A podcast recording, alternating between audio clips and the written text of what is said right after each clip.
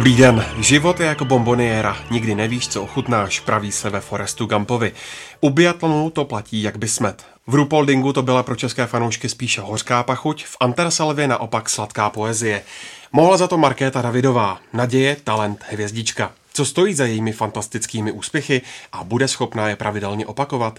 A jak jsou na tom ostatní? Co se děje s Veronikou Vítkovou? Našel Tomáš Krupčík životní formu a stačí se do světového šampionátu zvednout Ondřej Moravec? To všechno a zdaleka nejenom to probereme v příštích minutách v Biathlon Focus podcastu. Ve studiu vítám Petra Paseku z Aktuálně CZ. Ahoj. Ahoj a taky Pavla Jahodu a Jinka Rolečka z webu čtsport.cz. Ahoj. Ahoj. Od mikrofonu zdraví Ondřej Nováček. Nemůžeme začít ničím jiným než fenoménem Markéta Davidová.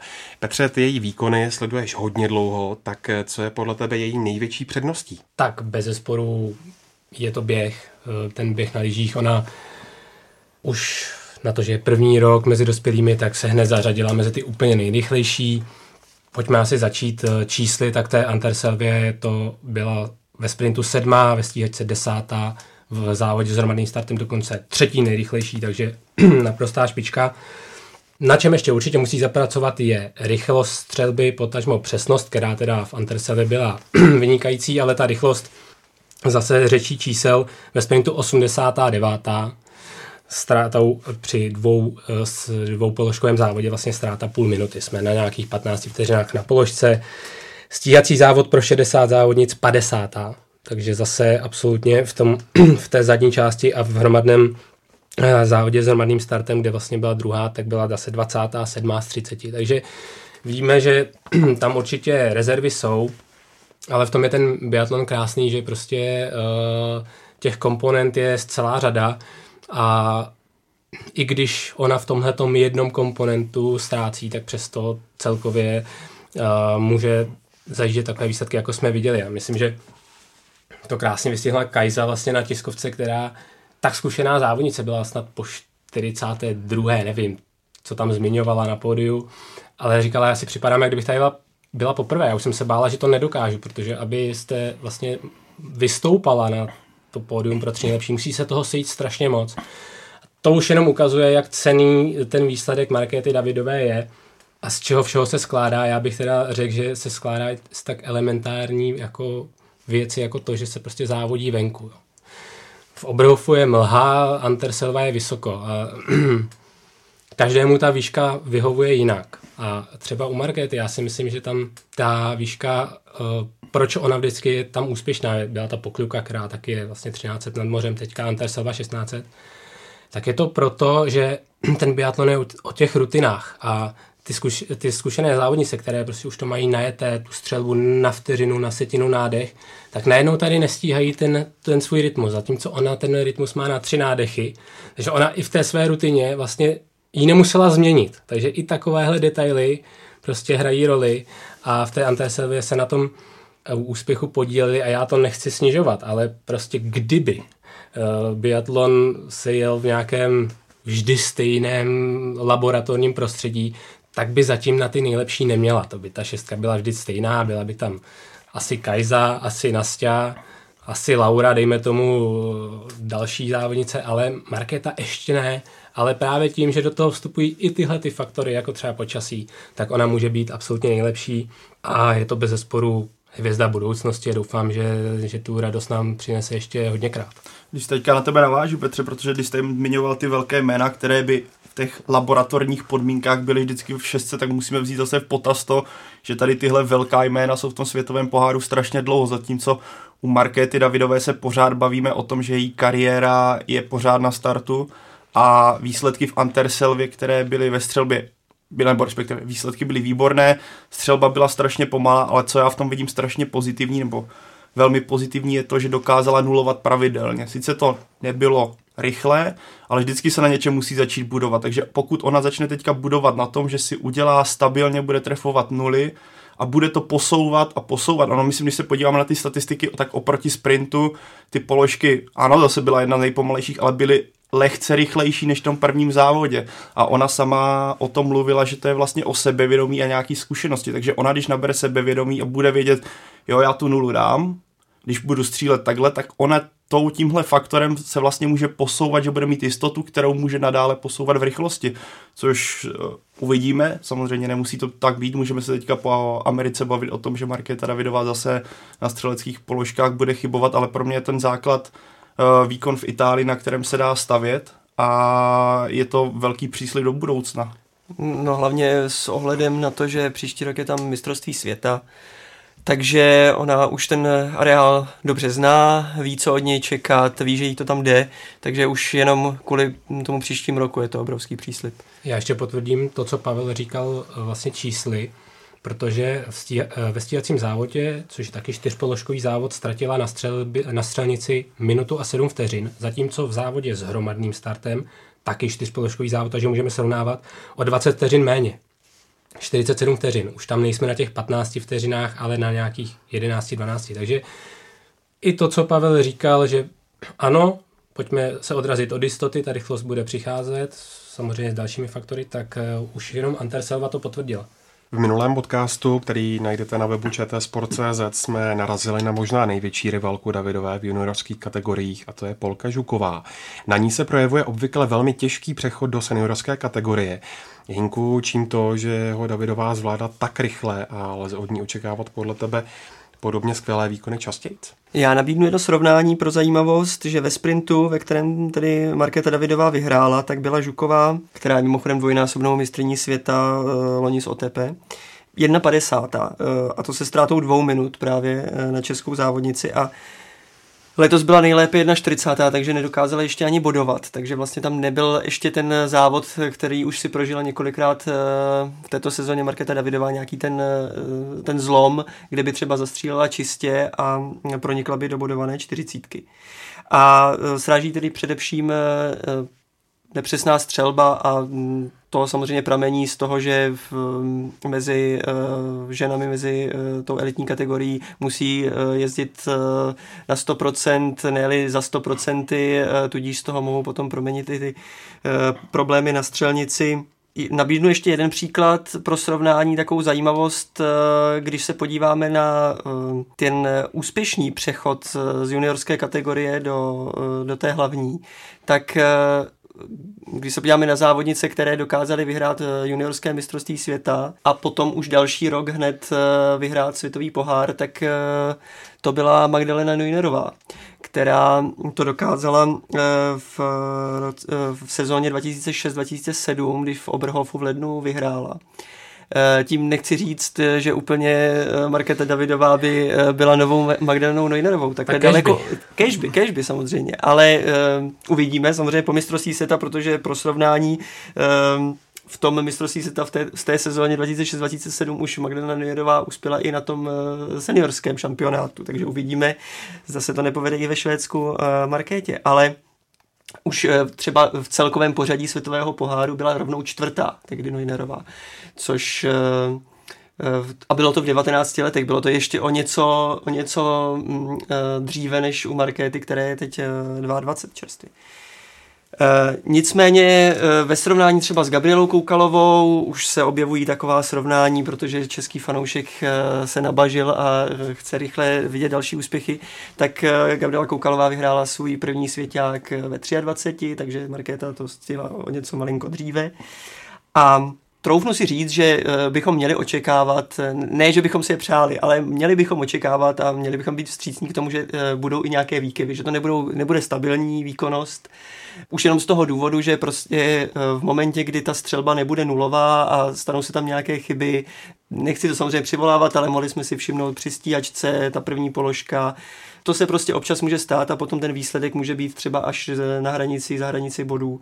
Ale eh, ten potenciál obrovský je hlavně v tom, že si zkusila, že může a dokáže vyhrát. Já teďka, Ondro, na tebe navážu spíš než na Hinka. Tam byla otázka, čím to, že Davidová porazila, nebo je mnohem lepší než zmíněná Polka. Já si myslím, že zaprvé je to obrovským talentem, který ona v sobě má a který i díky dobrým trenérům, kteří se kolem ní většinu kariéry asi motají, tak je dokáže pilovat dál. Druhá věc, o které mluvil právě bývalý kouč Šikola, je to, že si v hlavě srovnala priority, zatímco dřív byla, on mluvil o tom, jak byla rozlítaná, že spíš upřednostňovala koně než biatlon a bylo to takové nevím co, tak teďka právě pro ní je prioritou biatlon. A pokud si to takhle nastavíte a máte kolem sebe dobrý realizační tým, tak ty výkony můžete neustále posouvat, což se u ní podle mě ukazuje. A další faktor, který je strašně důležitý ve sportu je hlava, která je v jejím případě výborně nastavená, že je silná psychicky, protože když si vezmeme třeba poklivku, kde byla smíšená štafeta a ona tam vybouchla, v podstatě brečela v cíli, protože odstřelila šance českého týdmu, jestli se nepletu, den na to byla bronzová v individuálním závodě, takže v tomhle, v tomhle faktoru je strašně podle mě patrné, jak ona je v hlavě silná a toto je vlastně charakteristika vítězných typů těch, kteří dokáží zvládat obrovsky těžké závody a tohle pokud ona samozřejmě mluví o tom, že by třeba ráda skončila před třicítkou, to asi uvidíme, jak se bude její kariéra dál vyvíjet, ale tím, jak to má nastavené a tím, jak k té kariéře přistupuje, se mi zdá, že by mohla dojít hodně daleko, pokud se jí vyhnou zranění a podobné věci.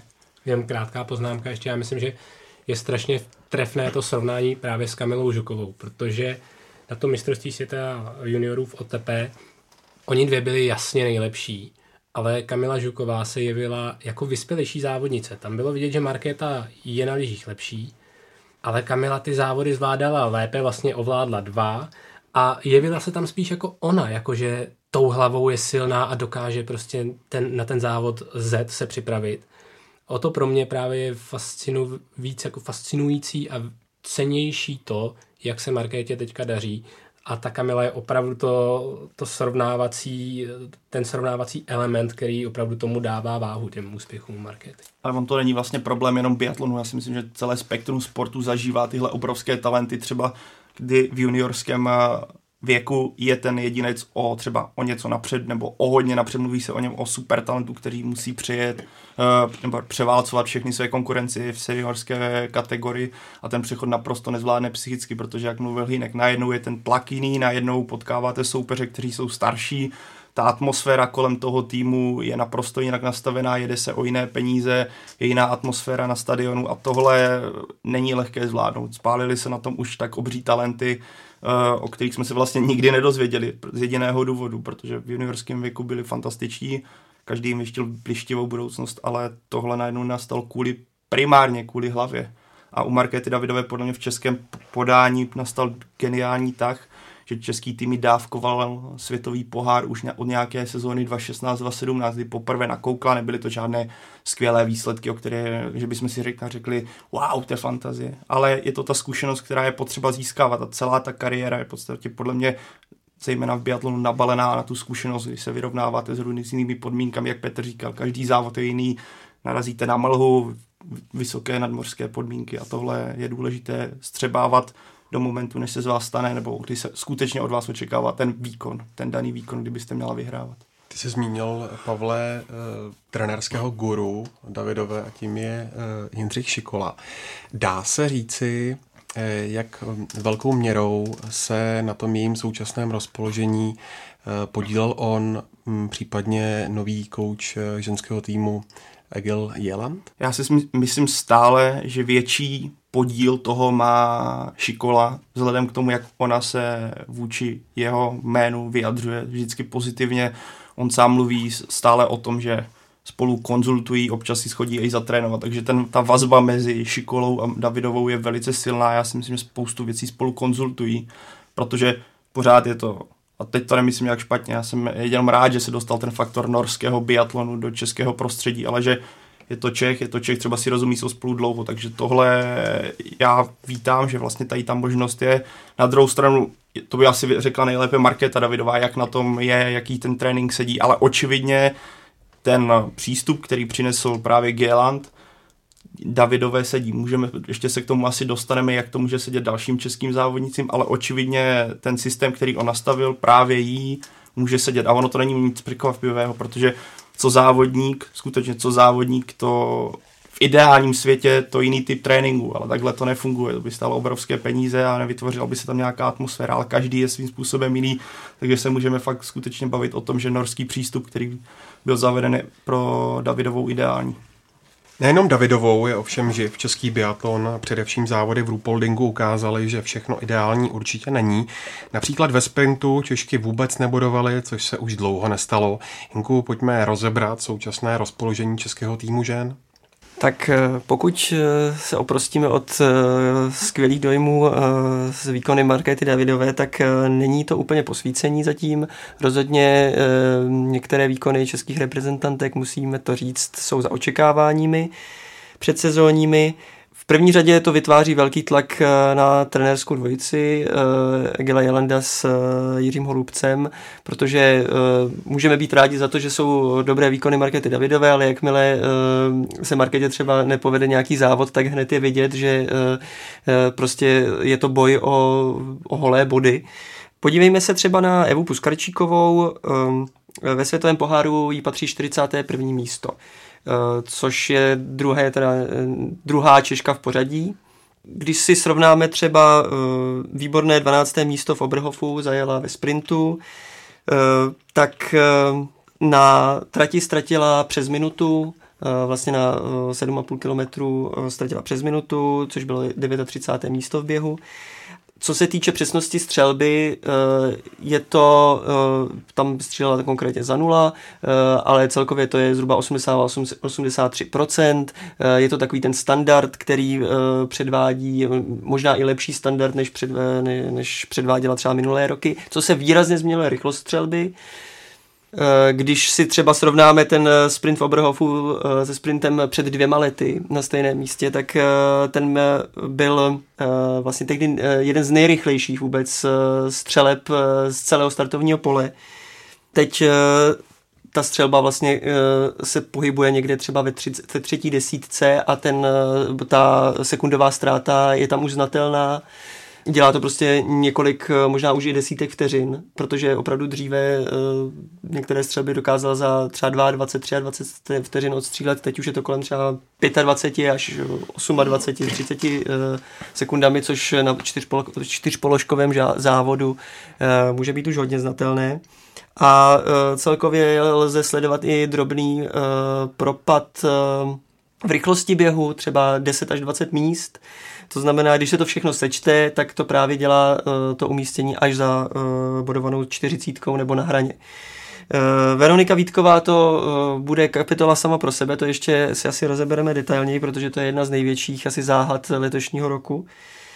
Lucie Charvátová, tam se, skoro by se, už jsme hodně o ní mluvili minule, Petr o ní rád mluví, skoro by se nabízelo eh, drobná pochvala za její výkony, eh, protože opravdu je to eh, jedna ze závodnic, která naopak předvádí lepší výkony než v minulých sezónách. Takže... Andersele na bodech. A Andersele byla jedinou další Češkou, kromě Markéty, která bodovala. A výrazně, výrazně se zlepšila ve střelbě, to nutno dodat, že třeba o 10%, což už jako je hodně. A zvlášť ve, ve stojice, tam je to opravdu markantní, ten posun, že už ubývá takových těch položek prostě tři, čtyři a že už se to spíš blíží těm eh, jedna, dvě, takže to je, to je výrazný posun a zvlášť třeba i pro štafetu to může být eh, dobré, což se eh, projevilo třeba v Oberhofu. A Jessica Jislová, tak tu bych nechtěl úplně tak hodnotit detailně, protože tam sezonu hodně zatím ovlivnilo, ovlivnila zřejmě ta nemoc před novým městem a to zpomalení je tam opravdu hodně výrazné zvlášť tedy na trati ztrácí uh, hodně, ale vlastně i v rychlosti střelby. Tedy, um, pokud se podíváme na ty rychlosti, tak uh, nejsou tam úplně výjimky nad 35 sekund uh, na položce, což je hodně. Já tady navážu na sebe. ale já bych teďka nemluvil o, konkrét, o konkrétních případech, ale obecně tomu výkonu často chybí nějaká síla a dynamika a tady se skutečně můžeme bavit o tom, jak ta trenérská změna probíhá a jak k ní bude vlastně český tým přistupovat, protože vidíme, že ty výkony najednou nejsou takové. Mluvilo se o tom, jak došlo ke změně přístupu v tréninku, jak najednou začal se změnil objem, docházelo tam k e-mailové korespondenci, trenér nebyl stále s českým týmem, nebyl český tým na sněhu tak často, nebo dlouho se čekalo, než se dostane na sníh. A teďka nechci říkat, že je to špatně, ale možná některým závodnícím může ta aklimatizace na ten nový přístup, na ty nové metody trvat mnohem déle, než třeba v případě zmíněné Davido, Davidové, o, o které jsme se bavili a o které jsme, kde jsme naznačili, že by to mohlo být, kde by to mohla být pozitivní změna.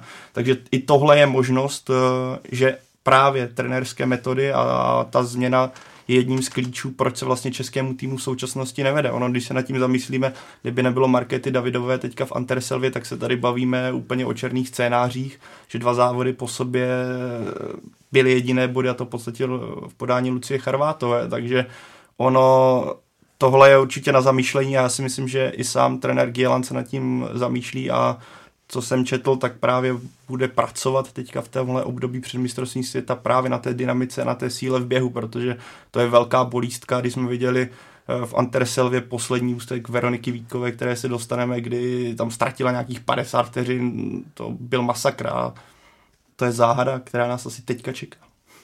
Ano, teď nás čeká záhada v podání Veroniky Vítkové. Láme si hlavu ona, lámou si taky trenéři, experti i novináři. Eh, Petře, co se to děje s Veronikou Vítkovou? Těžká otázka. Já jako samozřejmě z pozice žurnalisty a diváka můžu se jenom dohadovat. Myslím si, že je konkrétní odpověď na to neznání ona sama. Každopádně těch faktorů je víc, určitě to, co jsme tady teďka rozebírali, změna v přípravě, více objemu na úkor intenzity, takže nevíme, jak se to projeví. Ehm, vlastně logicky by se to mělo projevit v dlouhodobém horizontu, by vlastně by se to mělo projevit tak, že jí ty síly docházet nebudou. Ten, ten objem samozřejmě je nějakým příslibem zase k té dlouhé sezóně vrchol vlastně až březnu, takže svým způsobem by se to třeba, já třeba tak i proto trenéra zamýšlel, eh, mělo projevit až v pozdější části sezóny. Takže určitě změna v přípravě Druhá věc, změna v tom programu světového poháru. Nezačno, nezačalo se tradičně v Estersundu, začínalo se v Pokluce. Jak víme, vysoké nadmořské výšky nesvědčí, tam vlastně odváželi spát níž k bledu a řešilo se, že vlastně se neví, co s ní je, prostě jí to nesedí. A to je druhý faktor. Tím bych asi skončil. Teďka vlastně v tom druhém trimestru to začínalo vypadat, byla to vzestupná tendence. Vlastně v RuPaulingu sprint se teda sice našim nevydařilo, ale čas běhu už měl třeba lepší než Markéta Davidová, už to zase začínalo vypadat. Verča je zpátky, no ale Anterselva a jsme zpátky u problému číslo dvě, který jsme jmenovali. Ten Anterselva je ještě o 400 metrů víc než Poklivka a zase, jak zmiňoval Pavel, tam to bylo naprosto bez energie, tam prostě bylo vidět, že, že to tělo s tou výškou pere. Takže tak tolik asi faktory, které můžeme vyjmenovávat, další jsou už asi za zavřenými dveřmi. Já bych ti tam jeden přihodil, já si myslím, že faktor by mohla být i psychika, která podle mě v biatlonu strašně důležitá. Když vezmeme faktor začátku sezóny, kdy Veronika Vítková v těch testovacích závodech měla běžecky stejné časy než jak Markéta Davidová, která teďka předvádí fantastické výkony na lyžích a dokázala ji i porazit. A potom přičteme ten faktor, že ona Veronika Vítková v ten moment byla velice pozitivní, mluvila o tom, jak se před sezónou cítí fantasticky a najednou přišlo to zranění, které ji strašně srazilo, nebo já si myslím, že jí to nepřidalo, ono se, reprezentace se tvářila tak, že to bude v pořádku, ale ono vám to určitě přibere na tom, když cítíte, že prostě teďka to půjde, teďka můžu drtit konkurenci a najednou vám blbé zranění kotníku někde, já teďka nevím, jak se jí to stalo, myslím, že to byla nějaká, tak, nějaká nešťastná kuriozita v tomhle směru.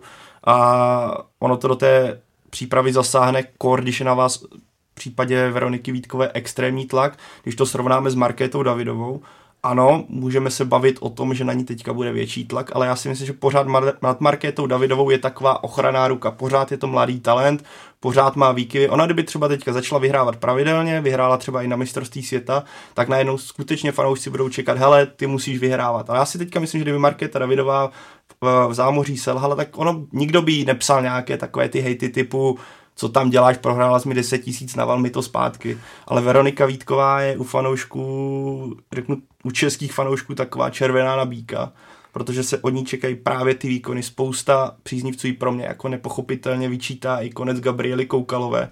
A tohle dohromady si myslím, že určitě ji nepřidává v té situaci, kdy se jí třeba jednou dobu nedaří a tenhle tlak ještě zžírá daleko více. I to je jeden podle mě z faktorů, který bych přidal k tomu, co tady Petr naznačil, protože psychika je strašně důležitá v těchto individuálních sportech.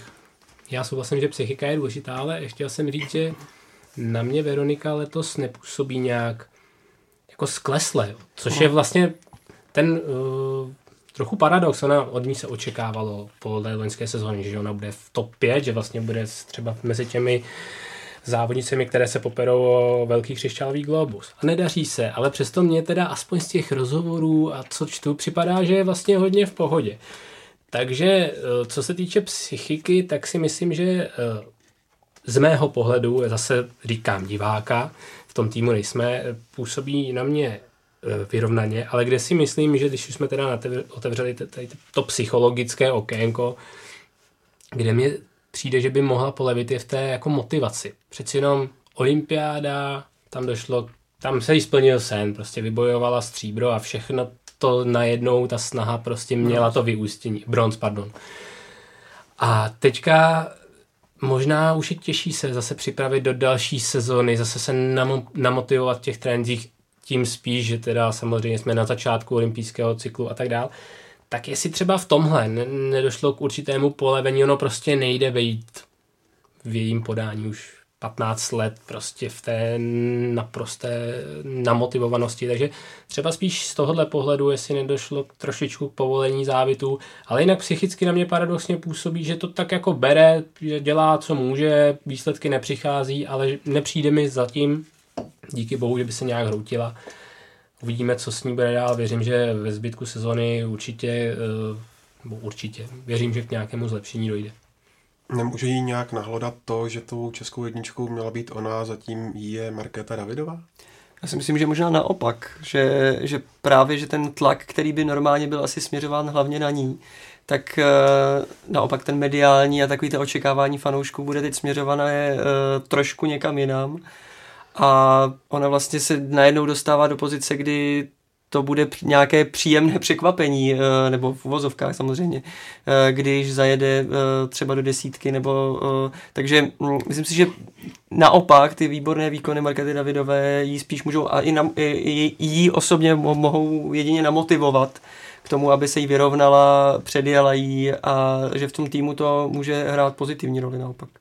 Já souhlasím. Vlastně kdyby se nedařilo ani Markétě, nedej bože, tak ona vstupovala do té sezony jako jednička a ona byla, byla první na ráně, jakože proč, eh, proč se nedaří, co se stalo. Takže já si myslím, že teďka je v uvozovkách v takovém tom stínu a má klid na práci, klid na trénink, klid na, klid na zlepšení, takže spíš souhlasím s Inkem, že by jí to mělo vyhovovat. Ale potřebuje, aby Davidová zůstala právě v pořád ve formě, protože když se nebude dařit i Davidové, tak to nepůjde do Davidové, tak to půjde zase do Vítkové, protože hmm vracíme se k tomu začátku, ona je ta, o které se čeká, že bude jednička a pořád se čeká, že vstane minimálně z toho popela, jak se říká, který je v současnosti.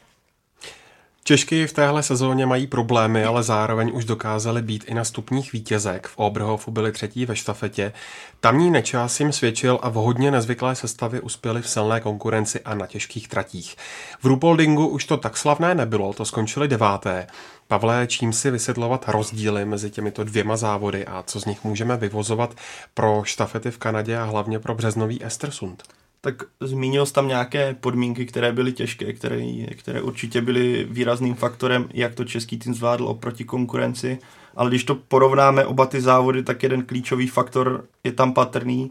Když Markéta Davidová zajede fantasticky, bezchybně, tak dokáže českou štafetu vyrazit hodně kupředu. Když to byl, to se stalo v Oberhofu, kde byla v obou případech čistá na střelbě a výborně běžela. Zatímco v Rupoldingu ten její výkon nebyl tak dominantní, respektive běžela solidně, ale měla tam tři dobíjení a ta ztráta se pro tu, pro tu štafetu, kde není další extra výrazná postava v současnosti, stala markantní a už to nebylo, ne, nemohlo nastat to, že se bude opakovat třetí místo. Takže pokud bychom se bavili o tom, co je potřeba i v rámci jako mistrovství světa, co je potřeba, tak to bude určitě ležet na Markétě Davidové v tomhle bodě, aby ona předvedla, řekl bych, i nadstandard, který je potřeba. Pak je faktor, jak se předvede Veronika Vítková, o které my se tady bavíme, protože o jedné závodnici to nebude. Může samozřejmě česká štafeta na třetím úseku pod Markétou Davidovou vyletnout na třetí místo a když v závěrečném úseku se to propadne, tak to dopadne zase špatně, co jsme viděli v některých těch štafetách, kdy to vždycky přišel jeden faktor, kterému to vůbec nevyšlo, ať to byla Eva Puskarčíková, nebo to byla Jessica Islová, tedy řekněme, jistý provar, který potom ovlivnil celý ten tým, ale to je o štafetách. Tady se nabízí otázka před zámořím, jak to trenéři zkusí, protože když vezmeme když finišovala Eva Puskarčíková, tedy velice netradiční finishmenka, tak z toho bylo právě zmíněné bronzové místo. Když finišovala Veronika Vítková, a to teďka neříkám, že za to může Veronika Vítková, no tam nepodala vůbec špatný výkon, ale uh, dopadlo to jinak, takže je otázka, jestli v zámoří neskusit zase tuhle verzi. Pak je tady otázka, koho do té, o, tu trojici, o koho to doplnit. Jestli Jessica Jislová, která je po zdravotních problémech očividně ve velmi špatné formě, nebo zatím se hledá formou, netuším to asi ví trenéři, jak na, jaké jsou teďka čísla, nebo dát šanci Lucii Charavátové, která poslední vlastně neběžela. Bez Lucky to nastupně nepůjde. A navíc, jak, Přiznejme si. jak zmiňuje Petr a jak už tady bylo naznačeno, její forma, jestli se o někom můžeme bavit, že zatím předvádí lepší možná výkony, než se čekalo, nebo si drží nějaký standard, tak je to právě Lucie Charvátová. Takže to jsou takové otázky, které jsou potřeba vyřešit. Každopádně si myslím, že velkou roli budou hrát eh, v tom ten rozhodující okamžik eh, povětrnostní podmínky a počasí. Eh, myslím si, že paradoxně je to bychom si měli prostě přát horší počasí v Estersundu, což se může klidně stát. Býval. Nevyspytatelný vítr na střelnici a tak dále, co může zvětšit rozestupy mezi štafetami, protože v současné formě Češek, eh, Češky můžou jenom překvapit a na to potřebují mít eh, méně vyspytatelné podmínky. Je to tak. Přejme. A ještě bych doplnil pořadí závodnic. Z mého pohledu Lucka Charvátová musí jít první nebo druhý úsek. Protože na tom třetím úseku, potažmo čtvrtém nemluvě, tam už je ten tlak tak obrovský a na ní násobně ještě, protože všichni samozřejmě už ji tolikrát kritizovali za to, že v uvozovkách pohřbila štafetu. Hmm, takže určitě na první úsek nejlépe, nebo na druhý, kde ještě ten tlak nebude takový, protože se ukázalo, že samozřejmě trémistka při té štafetě je, ono asi nejde nebýt. Takže i to složení té štafety je trošku alchymie a myslím si, že i nad tím ty trenéři budou muset dumat. Pojďme se teď podrobněji podívat na výkony českých biatlonistů. Ondřej Moravec se ne a ne běžecky chytnout, přitom střílí stále nad míru výtečně. Už před minulou sezónou se snažil vypilovat techniku a udělat nějaké drobné změny. Petře, co chybí Moravcovi k tomu, aby se na tratích zlepšil? Je tam podle tebe problém v technice, ve fyzické kondici a můžeme vůbec eh, od něj očekávat výraznější progres? Tak takhle, jako mě z gauče, jako to bývalému běžkaři, který nikdy nic nedokázal, se to hodnotí snadno, ale snad se Ondřej neurazí, když řeknu, že on prostě technik není. Eh, zejména v té jízdě do kopce 2-1 on, on je zlomený, trošku v tom jako sedí, takže i, i, i vizuálně si myslím pro lajka, který na to kouká, tak eh, on vypadá jako, že s tím hodně bojuje, je tam hodně takové té síly, ale není tam taková ta plynulost toho pohybu, ta provázanost toho odrazu z nohy a rukou, jako když se podíváte na Johannese Tignese B, tak eh, on vlastně vypadá, že do toho lyžování nedává ani takové úsilí a na kolo odjíždí 20 řekneš, když se podíváte na mě. nebo na nebo mě Lukas, za mladé. Nebo Lukas Hofer. Uh, přesně Lukas Hofer, uh, podle mě úplně nejlepší technik v celém, v celém seriálu světového poháru. To je Hofer, to je samozřejmě Johannes Tingnes B, ten Furka, který samozřejmě ještě do toho přidává ten dynamický prvek, kdy on v podstatě, když dokončuje ten odraz nohou, tak skočí na tu druhou sklouznou nohu. Takže tam určitě vidíte, že i technicky Ondřej je za ostatními. Nemyslím si ale, že to je věc, která se může nějakým způsobem změnit a vypilovat. Ono, to lyžování není o tom najít a jezdit v té perfektní technice. Ono to je o tom najít tu svoji techniku, při které vy budete eh, schopný co nejvíc vyždímat ten svůj energetický potenciál. Vzpomeňme na Petra Nortuga, legendárního běžkaře, nyní se v podstatě nedalo dívat. Ten, když zapnul tu forsáž, tak to bylo všechno jedné lyžování, ale nikdo mu ne, nestačil. On ty soupeře ponižoval. Jako on vždycky vysel za nimi, vypadal, že nemůže 50 km a pak, pak jim ujel na posledním kilometru 500 metrů. Takže ono to není jenom o té technice. Podívejme se třeba na Nastю Kuzminovou, taky technika běhu velice špatná, řekl bych, Dorot a zas má hlavu dole, Kajza, Styril, který jsou nejrychlejší, to jsou zase motorový myši, taky ta skluzná fáze. Takže ono to není o tom mít eh, ten učebnicový pohyb, je to o tom najít si tu svoji techniku. Ale spíš bych řekl, že u Ondřeje je problém prostě momentálně ve fyzické kondici. Samozřejmě jeden faktor je mu 34 let, ten vrchol fyzických sil asi už je za ním, to je nutno si přiznat. Za druhé v prosinci tam byly nějaké zdravotní problémy, takže příprava byť ne nějak razantně, ale byla narušená. A myslím si, že v jeho letech už, pardon, to není žádný stařík, ale uh, už by se možná trenéři měli zamyslet nad tou personalizací toho tréninkového plánu. Oni zatím uh, mužský tým trénuje podle jednoho plánu jako tým, tu, ten, ty, ty tréninkové jednotky absolvují vlastně všichni stejně, možná samozřejmě se to upravuje momentálnímu pocitu, únavy a tak dále, ale Ondřej možná už by si zasloužil nějaký speciálnější třeba i s menším objemem trénink a spíš specializace na tu trénink, dynamiky, techniky, jak jsme zmiňovali.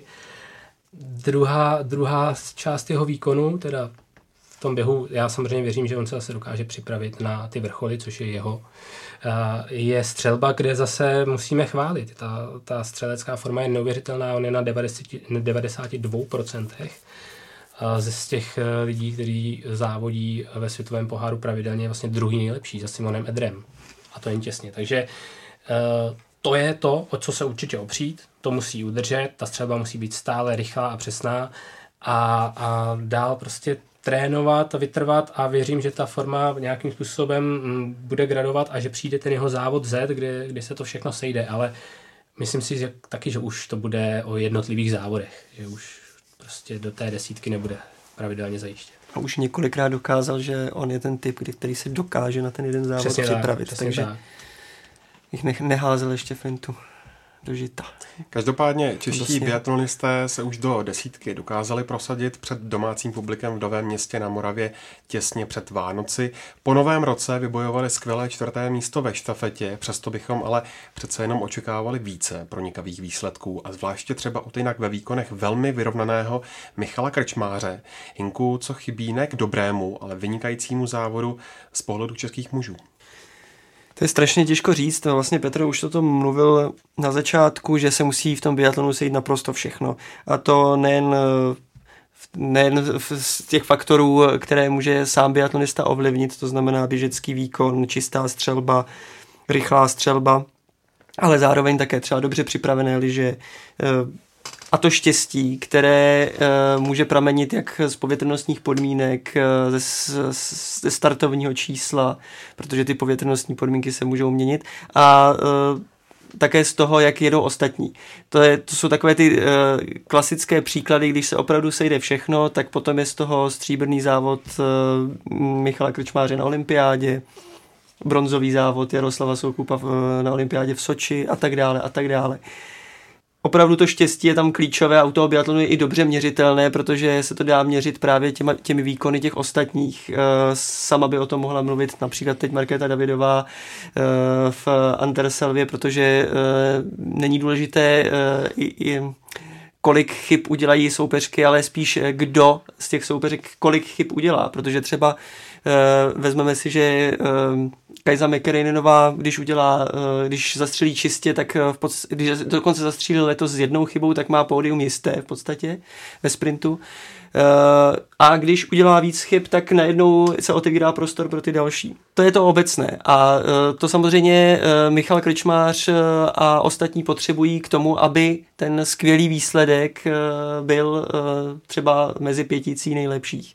To znamená, nezáleží jenom na jeho výkonech. Ale když se podíváme na konkrétně třeba na, třeba na výkony Michala Krčmáře, ve sprintu v pokluce na začátku sezóny byl desátý, e, zastřílel čistě, v běhu ovšem ztratil kolem jedné minuty, což bylo zhruba 27. běžecký čas. A potom, když si podíváme na ten hodně diskutovaný sprint v Rupoldingu, tam také zastřílel čistě, ale e, bylo z toho podstatně horší místo 25 a ztratil výrazně více v běhu a to je to, nesešlo se, eh, mluvilo se o tom eh, možná o něco hůře připravené liže, těžko říct, ale můžu jenom tady do toho vstoupit, já jsem rád, že zmiňuješ ty liže, jo, protože on to je vlastně faktor, který my vztahujeme hodně k servisu. Vždycky se říká, dneska liže nebyly dobré, ale oni to jsou i ty liže samotné. Jo. Já nevím, jestli se tady můžou jmenovat výrobci. Pojďme. Jmenuji, ale eh, prostě třeba Markéta Davidová, ta si liže vždycky pochvaluje. Že? Ta teďka jezdí na Salomonu, uh, Ondra jezdí na Fisheru a myslím si, že třeba prostě letos v té sadě na nějaký sníh, třeba i když vybere ty jedničky, ty nejrychlejší liže, má dobře připravené, tak prostě stejně oproti soupeřům třeba jsou pomalejší. Jo? Ono to je, ten Fisher globálně samozřejmě nejsilnější značka, on v rámci ní je třeba třístý, jo? zatímco Markéta je třeba u Salomonu 30. To teďka spekuluju, ale myslím si, že eh, co jsem tak pozoroval, takže opravdu třeba Ondrej ani ty jeho nejrychlejší lyže, které jsou dobře připravené, tak třeba prostě na ty lyže, které prostě má Furkát, Hoffer a Spol, tak prostě třeba nemají. To může být faktor. A pro Paul Fisher, myslím, za 9 dní má představit nový, uh, nový model, takže určitě dostane Ondra nové zase páry a třeba tam budou nějaké konečně letky, jak říkáme. My bývalí lyžaři. A pokud bych si měl ještě uh, typnout u Michala Krčmáře uh, nějaký skvělý, opravdu skvělý výkon, tak bych si ho možná typnul v nějakém kontaktním závodě, protože on pro, hodně, hodně tam hraje roli ta hlava, když ho někdo táhne eh, před ním, tak hmm. dokáže uvyset neuvěřitelné rychlíky a, a může mít samozřejmě štěstí ve sprintu, že se za, někým, za někým vyveze, ale u toho kontaktního je to přece jenom Uh, vidět, rád vzpomínám na, ten, uh, na tu stíhačku v Rupoldingu před pár lety, kdy vlastně poprvé uh, se dostal na stupně vítězů, byl třetí. Uh, Spirit Fantersové tam, myslím, se aspověsil za francouze, francouze Gigonáta, nebo jak se to skloňuje, mm, pro boha. Mm, Řekl to pěkně. A taky najednou samozřejmě dvě kola za ním jel a vypadal, vypadal jako, že by za, za ním měl i to třetí, kdyby mohl. Pojďme se zastavit ještě u dvou reprezentantů. Eh, Jakub Čtvrtecký prokázal, že navzdory mladému věku umí odolat tlaku. Tomáš Krupčík, který laboroval na sklonku minulého roku s nemocí, jezdil v Anterselevě nejlépe v kariéře. Pavle, jak hodnotíš jejich výkony? Tak já si myslím, že na Jakuba Švarteckého musíme nahlížet podobně, jak jsme třeba nahlíželi na Marketu Davidovou dříve.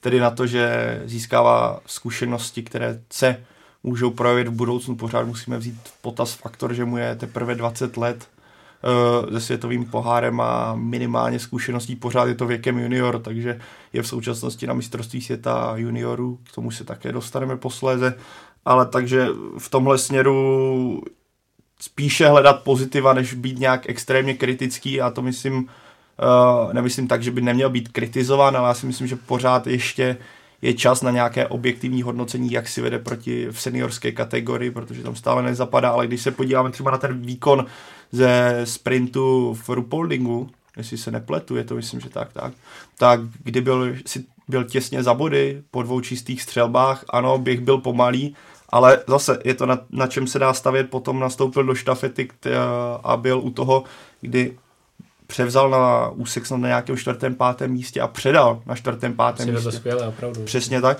On byl v tom, jak se jsme se bavili ve sprintu, že se mu běžecky tolik třeba nedařilo, tak na tom svém úseku on byl za Tarejem Bem, který za jedním z nejlepších biatlonistů světa, zaostal o nějakých 11 sekund. Za, myslím, vyhrál Lukas Hofer ten úsek, ztratil na něj 28 vteřin, což nejsou žádné obří čísla, takže na tomhle se v jeho případě dá stavět a pokud máme hledat skutečně nějakého nástupce Schlesingerů, Moravců a těchto typů úspěšných závodníků, tak eh, zrovna na něj by měla směřovat pozornost, protože on to v sobě má.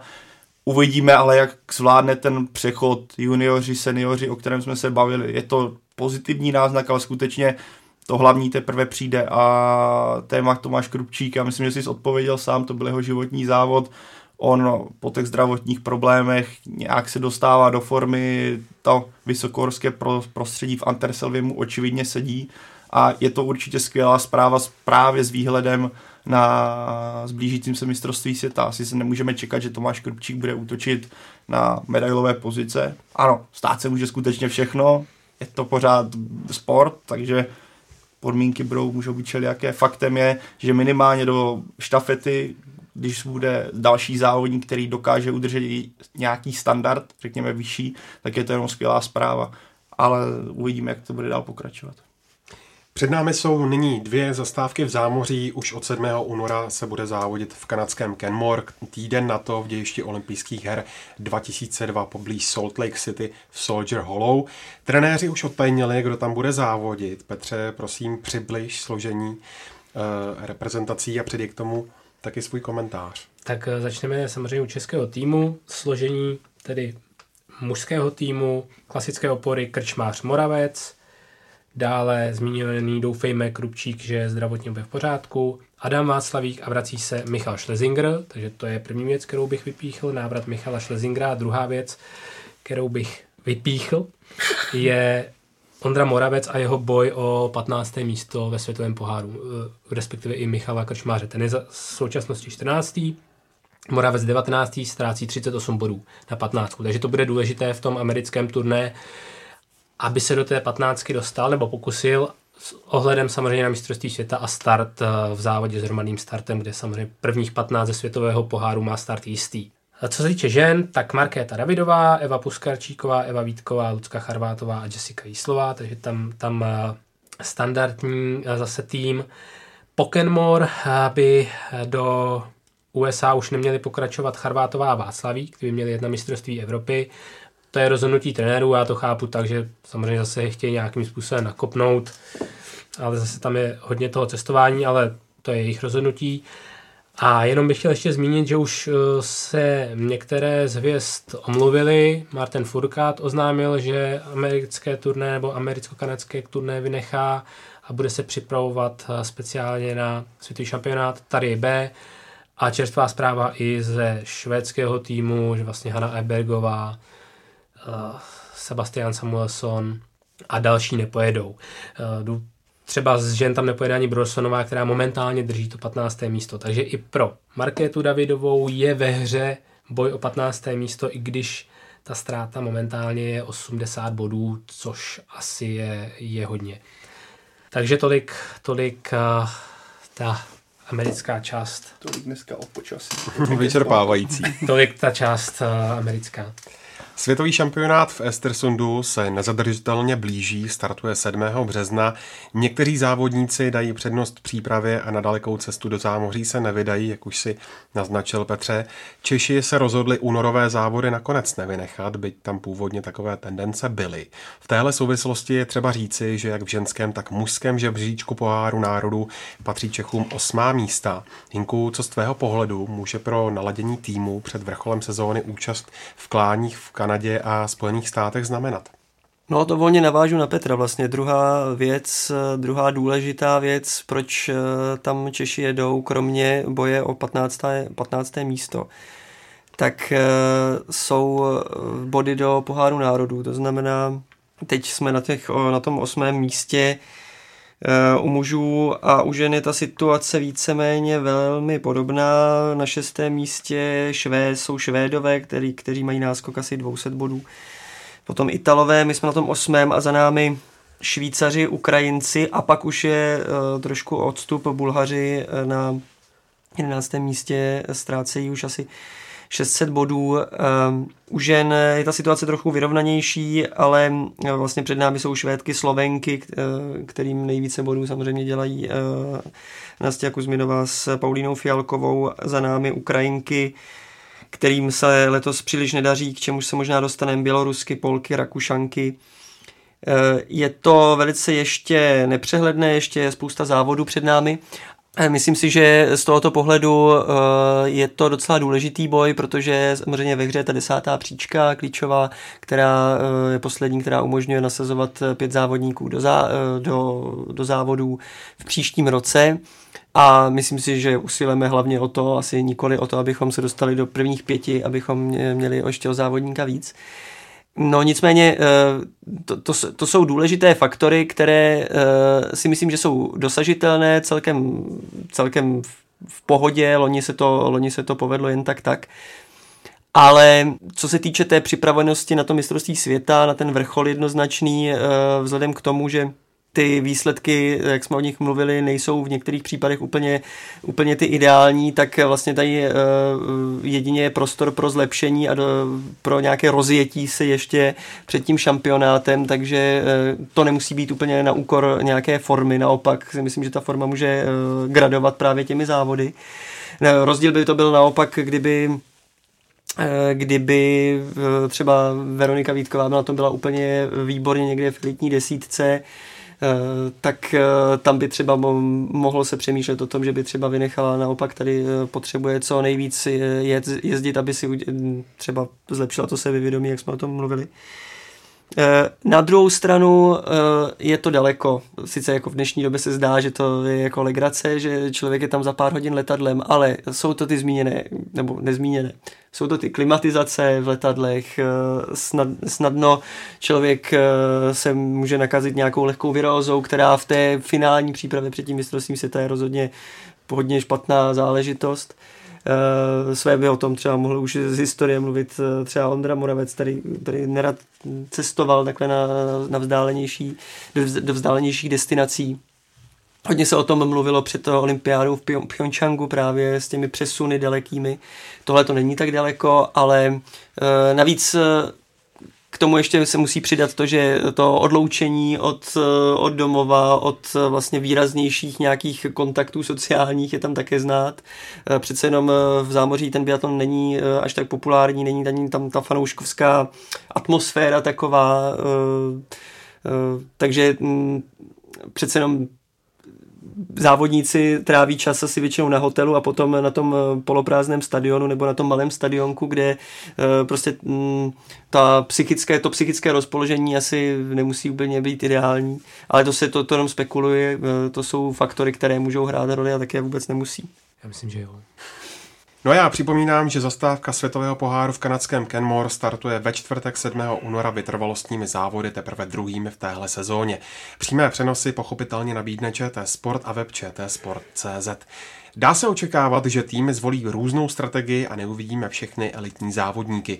Ve druhé části Biathlon Focus podcastu se zaměříme na to, co očekávat v rozhodujících okamžicích přípravy na světový šampionát.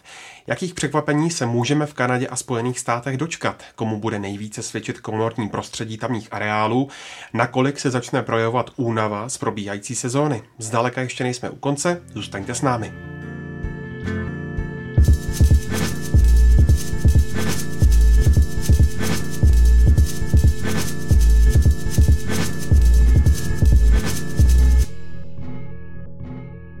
Martin Furkát se hledá. Letos jsou mu souzena čtvrtá místa, dominance minulých sezon je ta tam, proto se francouz rozhodl za velkou louži nezamířit a věnovat se plně přípravě na světový šampionát. Jinku, dá se říci, v čem spočívá problém Furkárových výkonů?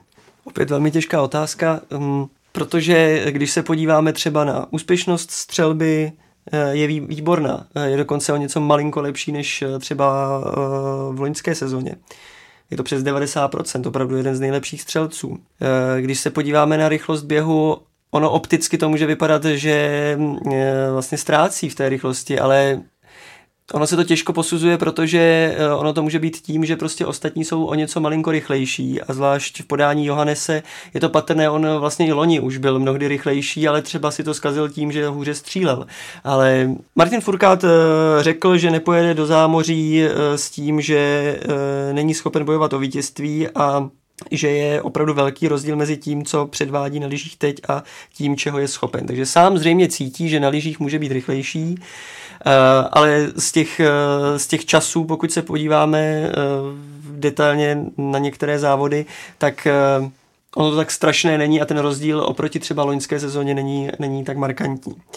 Běžecky je na tom třeba podobně jako Tarjej B, to znamená, je prostě jako jeden z nejlepších vůbec ve světovém poháru a chci dodat, že uh, u každého jiného závodníka uh, to, co předvádí, by bylo naprosto špičkový, špič, špičkový výkon, protože Martin Furkát je v současnosti druhý ve světovém poháru. Ale prostě uh, je to Martin Furkát, takže chápu, že uh, prostě třeba, mu, třeba, třeba to krásně vidíme na těch příjezdech na střelnici, kdy v těch hromadných závodech on dříve si diktoval tempo, nebál se jet z prvního místa, rozjel si to před střelnicí jako jeden z mála, nešel do toho, do toho, do toho klidnějšího rozpoložení, klidně si předjel 10-20 metrů před ostatními. Teď to najednou není. Takže tahle ta dominance tam jakoby chybí a možná i to psychicky dělá určitou, určité problémy u něj. Já si myslím, že pokud bychom měli teda hledat takové ty dílky, které by mohly naznačit, proč Furkát se dostalo ty situace nebo do té nedominance, které, u které jsme u něj byli zvyklí, tak vezmeme faktory před sezónou. Odešel Stefan Botie, tedy jeho trenér, s kterým on odstartoval tu úspěšnou kariéru v dorostu a táhli v podstatě celou seniorskou část. Až nyní před sezónou on předešel na vyšší pozice ve francouzské reprezentaci, což na té pohodě nebo na té pohodě žijete, fungujete v nějakém nějakém systému, kdy vám ten trenér skutečně sedí do detailu a najednou vás opustí člověk, na kterém jste stál, na kterém stál váš úspěch z velké části. Tohle nepřidá. Vezmeme faktor, o kterém Furkat zase před sezónou mluvil. Problémy s financemi při přípravě francouzské reprezentace. Dalším závodníkům to očividně tolik nevadí, ale může to být zase problém Furkáda, který třeba v dopingové kauze Rusu byl takovou vůči osobností, která byla v čele té eh, kauzy a která se snažila jako nějakým způsobem organizovat ty závodníky kolem, takže on to si to mohl vzít právě tu faktor financí na sebe a přijde mi, že se mu B dostal velice rychle, jak tady zmínil Hinek psychiku, tak velice rychle do hlavy, protože vzpomeňme, já nevím, v kterém závodě to bylo, ale bylo někdy na začátku sezóny, ano, mohla to být pravda, ale říct takhle na začátku sezóny, hele, já už ten světový pohár prostě nevyhrají a do, toho, do tohle závodu v podstatě nevím, co to bylo znovu, ale nechtěl do toho závodu nastoupit, kde ztratil hodně, nakonec nastoupil, přivedl tam fantastickou stíhací jízdu, skončil nějaký pátý, čtvrtý, teďka nechci úplně kecat. To bylo v Novém městě tak, a skončil nakonec pátý, právě. Tak, no. ale tohle jsou pro mě takové ty dílky, kdyby přijde, že se mu B dostal do hlavy a najednou sám furkáci sebou není tolik jistý, jak třeba býval dřív, že minulou sezónu jsme viděli, měl obří ztrátu nebo nějaké problémy a dohnal si to, protože se cítil sebejistě. Teď najednou vidí, hele, B lítá po trati daleko lépe, jsou tam zmínění závodníci, kteří mají najednou lepší čísla běžecky a tohle se na Martinu Furkádovi může projevit. Furkádovi se sice úplně nevede, ale přesto to mohlo v Anterselvě Leckomu občas připadat jako otevřené mistrovství Francie. Ve sprintu čtyři francouzi v sedmičce, ve stíhačce dokonce v pětce a v masáku v desítce. A to slavil vítězství Fion Mae. Petře, čemu to lze připisovat? Tak uh, už v té otázce je to podle mě obsaženo tou šíří týmu. Vlastně uh, ty uh, si zmínil, že v první pětce byli čtyři, v hromadném startu se v desíce byl Jacqueline, takže to je pátý člověk, který se během dvou dnů dostal z francouzského týmu do top 10, takže to si myslím, že určitě hraje tu roli. Ta, když je konkurence v tom týmu eh, obrovská, tak i ty tréninky samozřejmě mají kvalitu a je to úplně něco jiného, když, než když ten tým stojí eh, na jednom, dvou lidech. Takže první faktor za mě ta šíře toho týmu a faktor číslo dva Martin Furkát závodník, který sedm let dominoval světovému poháru, profesionál, perfekcionalista, prostě sportovec par excellence. Takže myslím si, že i tenhle ten hnací motor, ta snaha toho zbytku týmu dotáhnout se na jeho úroveň, být schopný s ním závodit, zase v každém jednotlivém tréninku. Takže Martin Furkát a šíře týmu. A kdybys měl vypíchnout jednoho eh, z francouzských závodníků, kdo tě baví nejvíc, tak kdo by to byl? No po Antesové musím říct Fion Maje. A samozřejmě B je kategorie sama pro sebe, ale to, co předváděl v posledním kole Quentin Fion Maje, to bylo neuvěřitelné. Ty kopce, přesně to, co jsme se bavili o té technice u Ondry Moravce, že tam prostě není ta dynamika, kdy, kdy oni prostě ty kopce přeletí, prostě skáčou, ten odraz je naskakovaný na tu druhou nohu. Samozřejmě B ho sjel, ale na druhou stranu Quentin Firmaje předvedl úžasný výkon, to sebevědomí na střelnici, kdy tam přijeli spolu, bez respektu to tam nasázel, prostě buď to vyjde nebo ne, to ale věděl... 22 vteřin. Přesně tak, ale věděl, že pokud má ten závod zvítězit, tak nemůže jít uh, s položkou za 30 vteřin, takže to tam odsázel a úžasně, takže uh, musím říct jeho. Podcast natáčíme v úterý 29. ledna a je možné, že se v ohlášených nominacích na zámořské podniky lecos změní. Každopádně jedno je jisté, světovému poháru vévodí Johannes B. a i kdyby do Kanady a USA neletěl, bude mu velmi pravděpodobně vévodit i nadále. Pavle, může se podle tebe stát něco, aby B nedominoval taky světovému šampionátu? Tak stát se určitě něco může, můžeme se bavit o nějaké zlomené hůlce, špatných povětrnostních podmínkách.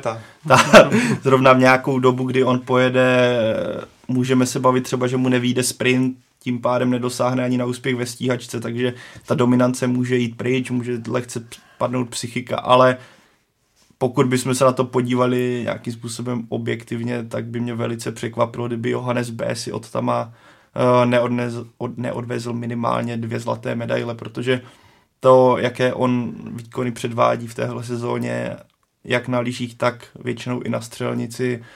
Teďka tady byl Quentin Fionmaje, který v, v, v Anterselu předvedl, že dokáže Beovi nějakým způsobem konkurovat, ale skutečně mm, zatím, zatímco v ženách je ten světový pohár v tomhle strašně zajímavý, jak neustále jsou různé vítěz, vítězky a ten, ta špička se vlastně neustále prolírá, tak v tomhle případě si myslím, že Johannes B. bude nejúspěšnějším. Dokonce bych teďka dokáz, řekl bych, odvážil bych se troufnout si říct, že Johannes B. bude nejúspěšnějším biatlonistou toho světového šampionátu, protože ta forma je enormní. A já doufám, že pojede i do, na to zámořské turné, protože může atakovat ten rekord Martina Furkáda. Já si myslím, že pro něj to musí být obrovský hnací motor. K tomu bych chtěl jenom doplnit, že Norové dnes zveřejnili nominaci a on v ní figuruje, takže by se tam to, A tady podle mě zna, patrné, že to je skutečně pro něj obrovská motivace překonat Martina Furkáda a já si myslím, že on to dokáže velice rychle.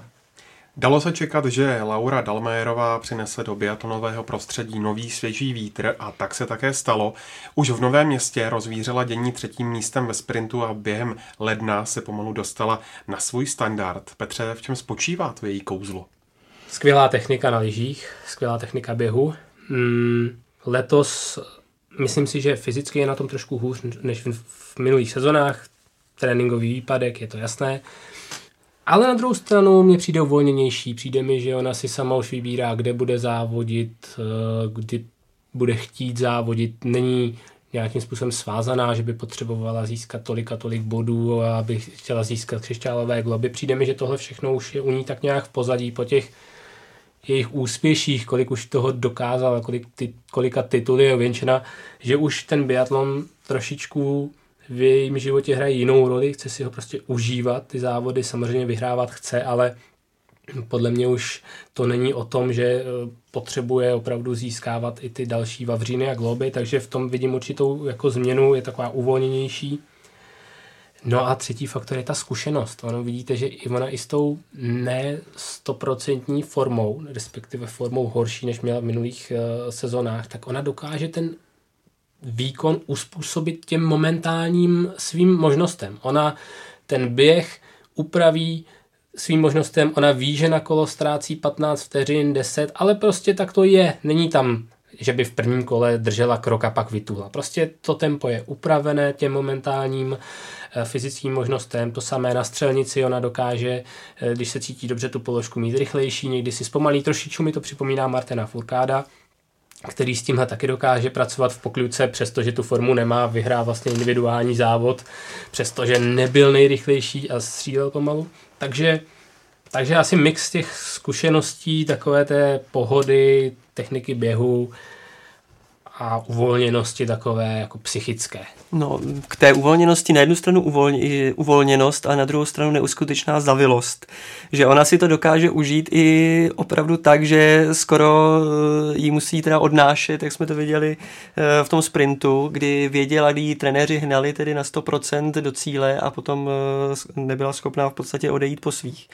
Takže to nastavení v hlavě je teda sice si to možná užít, ale tedy až za hranu je teda běžného. Pravda, že v tomhle to je mentální, je to obrovská mentální síla, protože každý sportovec by asi tohle chtěl umět. Prostě dostat se až na tu hranu, protože ona očividně je toho schopná. Ona je prostě schopná se nechat odnést z cílek. Jako kdo, kdo, kdo jiný tohle udělá. Jako, jo, to je prostě tomu se taky ten člověk musí dopracovat a někdo, respektive většina se k tomu prostě nedokáže dopracovat za celou svou kariéru.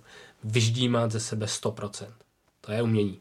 A když ještě opomeneme mm, nějaké malé výstřelky Projzové nebo Pajfra, tak co říkáte na e, sezónní formu Němců? A řešili jsme to minule. Já bych Němce nepodceňoval. Z toho týmu, i když jsou to výstřelky letos, není to stabilita, není to stabilní výkonnost, tak z toho týmu přesto pět lidí může na ty stupně vystoupat. A to jak v ženách, tak v mužích. Ještě Benedikt Dol třeba. To je hmm. typický příklad, že ten sice dokáže vyhrát sprint a potom eh, být uh, 40. ale to je typický příklad třeba vítěze, prostě té, té vítězné mentality. Pokud ví, že na to má a pokud se mu podaří na střelnici odstřílet za nula, tak je schopen porazit i Johane sebe téměř. Celkovému pořadí mezi ženami ovšem zatím vládnou Italky, Dorotea Víredová a Líza Vitociová k rychlé palbě přidávají tradičně velmi solidní běh. Inku, kde hledat jejich největší konkurentky? No je to zajímavé vlastně, že e, vypadá to, že to ženské pole je vyrovnané, ale když se podíváme tak e, na, na to pořadí světového poháru, tak Dorotea Vírerová, Líza Vitociová, potom 90 bodů nic a potom Marte Olsbuová, Islandová a další které jsou už velice vyrovnané. Nastia Kuzminová, Paulina Fialková, Kajza, Krujková, to bych rád na ní nezapomínal, protože ta je, jezdí v téhle sezóně zvlášť stabilně. Hanna Ebergová, která zřejmě tedy se propadne a dá přednost eh, vrcholu světovému šampionátu na domácí půdě. A taky Anais Chevalierová, výborná francouzská, nenápadná možná, ale třeba obzvlášť eh, v Novém městě nebo eh, v Oberhofu, ona předváděla vynikající výkony.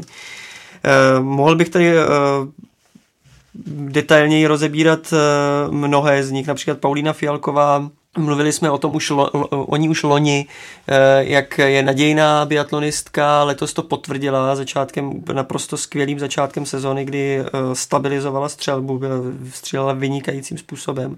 Teď jí to trošku, trošku už eh, jde míň, ale stále ukazuje, že na lyžích udělala obrovský pokrok a dokáže být Anastázii Kuzminové naprosto naprosto vyrovnanou, vyrovnanou soupeřkou. A uh, jsem, uh, ještě kdybych měl jmenovat aspoň několik men, jsem velice zvědav na Claire Igenovou na, uh, na domácí půdě, pokud tedy bude závodit, tak uh, Ona má veliký problém se stojkou, kde má úspěšnost kolem 70%, ale pokud zastřelí přesně, tak opět myslím si, že při neúčasti některých jiných závodnic je schopná být do desítky rozhodně. Lena Hekiová, to je podobný příklad eh, nestabilní střelkyně, ale když zastřílí, tak může být eh, velice vysoko, stejně jako Denis Hermanová například. Biatlon každopádně není pouze dění ve světovém poháru, v Ibu Cupu hrají prim Rusové a nebo Norové, českým barvám se ovšem moc nevede. Pokud úplně pomineme Michala Schlesingera a Adama Václavíka z Ačka, hodně za očekáváním zůstávají třeba Milan Žemlička či Ondřej Hošek. Už jsme to nakousli v minulém podcastu, Pavle, zvětšuje se propast mezi A týmem a možnými náhradníky? Když se podíváme na výsledky, tak určitě musíme říct, že se zvětšuje. Eh, je vidět, že česká základna nebo ta přechodná mezi tou, řekněme, Ačkovou a Bčkovou reprezentací není tak výrazná, co se týče té spodní hrany. Zatímco když se podíváme na tu juniorskou část, kde odkud vlastně která vyplodila Markétu Davidovou, teďka v ní je právě Švrtecký a podíváme se i na další závodníky, kteří teďka hrají, nebo hrají, jedou na juniorském šampionátu, tak si myslím, že do budoucna Česká repre, eh, republika nebude na tom tak špatně, ale je vidět, že tenhle přechod, který bude a na který se český fanoušek musí připravit, tak úplně nebude tou zlatou generací, o které jsme třeba, nebo tou medailovou generací, na kterou jsme teďka byli zvyklí, že Moravec, Schlesinger, eh, Soukup nebo Krčmář dokázali pravidelně, relativně pravidelně získávat úspěch ve světovém poháru i velkých akcích. Myslím si, že prostě na chvíli přijde takový ten přerod generací, kdy to bude trošku suší období, ale směrem do budoucna i v tom eh, směru, že český tým má dobře zajištěné finance, což mluvil, myslím, šéf nebo šéf Českého biatlonu rybář, nebo teďka nevím, jestli pan Hanza nebo pan rybář, to je jedno. Uh, je tam dobré servisní zázemí. Myslím, že je z čeho vycházet. O biatlon je obecně mezi mladými velký zájem, což je obrovský uh, dobro, dobrá, dobrá zpráva v tom, když vidíme, jak se bojuje v Česku o sportovce a, nebo o mladé sportovce. Takže já si myslím, že není důvod být extrémně pesimistický, ale zase důvod být realistický, že prostě nebude každý rok tak dokonale, jak bývalo. A já připomínám, že všechno podstatné ze závodu juniorského šampionátu i světového poháru nabízí jako vždy ČT Sport a web Sport.cz. Na další přímé přenosy se můžete těšit už o víkendu, kdy vám nabídneme juniorské sprinty a stíhačky. Doufejme taky s velkými úspěchy českých biatlonistů. Petře, Hinku a Pavle, díky. Taky díky. Taky díky. A vy, milí posluchači, vězte, že nás najdete na webu čtsport.cz a kromě toho, jako vždycky na Soundcloudu, v iTunes a YouTube nebo Spotify a nově jsme taky na Instagramu pod lavičkou Focus Podcast. Mějte se hezky.